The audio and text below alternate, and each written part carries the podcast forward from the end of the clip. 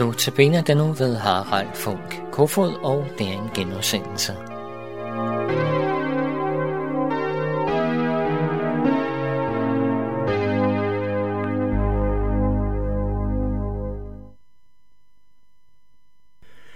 Vi skal i dag være sammen om, hvorfor vi fejrer påskedag. Lad os bede. Kære Gud, jeg beder om, du vil velsigne os med din gode ånd, så vi kan blive klar over, at Jesus er stået op fra de døde og lever. Amen. Jeg læser øh, de syv første vers i Matteus evangeliet kapitel 28. Og der står, efter sabbaten, da det gryede af den første dag i ugen, kom Maria Magdalene og den anden Maria for at sige til graven. Og sige, der kom en, et kraftigt jordskælv. For Herrens engel steg ned fra himlen og trådte hen og væltede stenen fra og satte sig på den. Hans udsigende var som lynild, og hans klæder hvide som sne. De, der holdt vagt, skælvede af frygt for ham og blev som døde. Men englen sagde til kvinderne, frygt ikke. Jeg ved, at de søger efter Jesus, den korsfæstede. Han er ikke her. Han er opstået, som han har sagt jer. Kom og sig stedet, hvor han lå, og skynd jer og sig til hans disciple, at han er opstået fra de døde, og sig, han går i forvejen for jer til Galilea. Der skal I sige ham. Nu har jeg sagt jer det. Da Jesus døde langfredag, var han blevet lagt i en grav, men sabbaten forhindrede kvinderne i at salve hans legeme. Derfor kom de nu den første dag i ugen, altså vores søndag, ud for at se til graven, som der står. Men det blev helt anderledes, end de havde tænkt sig. Der kom et jordskælv og væltede stenen fra graven, og herrens engel satte sig på den. I Markus evangelie kapitel 16, vers 3 læser vi, at kvinderne talte sammen om, hvem de skulle få til at vælte stenen væk fra indgangen. Men de havde ikke behøvet at bekymre sig. Stenen var væltet fra gravens åbning. Nu blev de forskrækket, for Jesu legeme var væk. Englen, som var der, sagde til dem, at de skulle ikke være bange, for han vidste, at de ledede, ledte efter Jesus den korsfæstede. Han er ikke her, han er opstået, som han har sagt. Jesus havde nemlig flere gange sagt, at han skulle dø og stå op fra de døde på tredje dagen, men det havde både kvinderne og disciplene glemt. Englen sagde, at de skulle skynde sig hen og fortælle det til disciplene. Der stod også, at de skyndte sig bort fra graven med frygt og stor glæde – og så kom Jesus dem i møde. Det er godt, at det er så udførligt beskrevet, men det er alligevel helt ufatteligt, hvis ikke Helligånden åbenbarer det for os.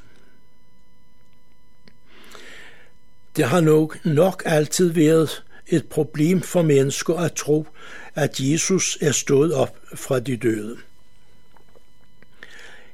I kapitel øh, 17 i Apostlenes Gerninger læser vi, at Paulus var i Athen, og der talte han med alle dem, han kunne træffe. Men de kunne ikke forstå, hvad det drejede sig om. Der står, at det var fordi han forkyndte evangeliet om Jesus og om opstandelsen. Længere fremme i samme kapitel i vers 32 står der, da de hørte om dødes opstandelse, spottede nogle.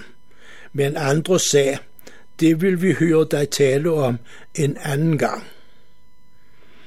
Det er afgørende for alle kristne, om Kristus er stået op fra de døde. Det, er vi, det, vi kristne tror på, kan ikke bevises. Det er derfor, vi må tro. Men troen er ikke en præstation af os.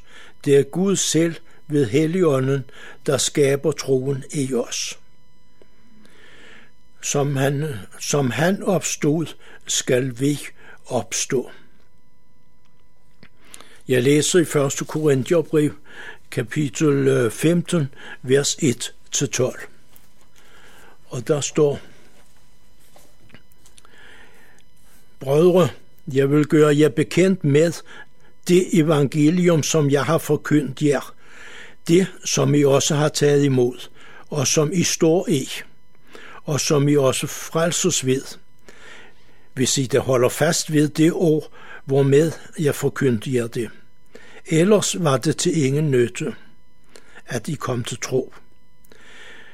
Jeg overlevede jer, leverede jer nemlig først og fremmest, hvad jeg også selv har modtaget, at Kristus døde for vores synder efter skrifterne, og at han blev begravet, og han opstod på den tredje dag efter skrifterne, og han blev sit af Kifas og sinest af de tolv. Dernæst blev han øh, også sit af over 500 brødre på én gang. De fleste af dem er endnu i live, men nogle er sovet hen.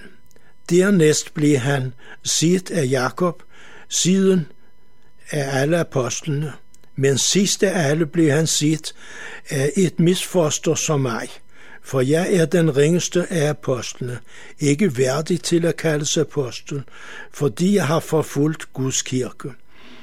Men Guds nåde, ved Guds nåde er jeg, hvad jeg er, og hans nåde imod mig har ikke været forgæves.